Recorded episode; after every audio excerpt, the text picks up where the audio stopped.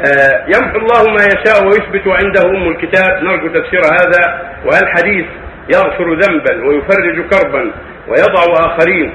وهل هذا الحديث صحيح حيث ورد في تفسير كل يوم هو بشأن؟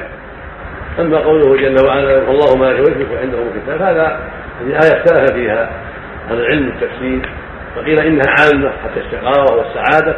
وقال بعضهم إنها خاصة وأن المعنى والله ما يشاء في النفس. تبديل ينزل على الرسل وقال بعضهم معناها يقول الله ما يشاء من السيئات التوبه منها والعفو عنها ويثل ما يشاء من الحسنات سبحانه وتعالى. والله أعلم جل وعلا.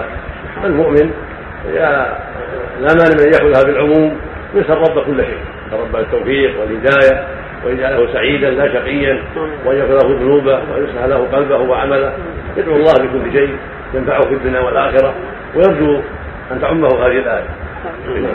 هل يجوز الجمع الأثر كل من هشام هذا من قال عن ابن عباس موقوفا.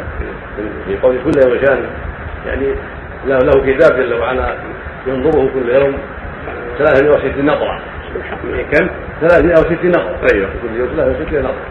فيها يعز ويذل ويصعب ويسقي يصل اقواما ويقطع اخرين إلى غير ذلك هذا قال ابن عباس ومعناه صحيح. معناه صحيح نعم.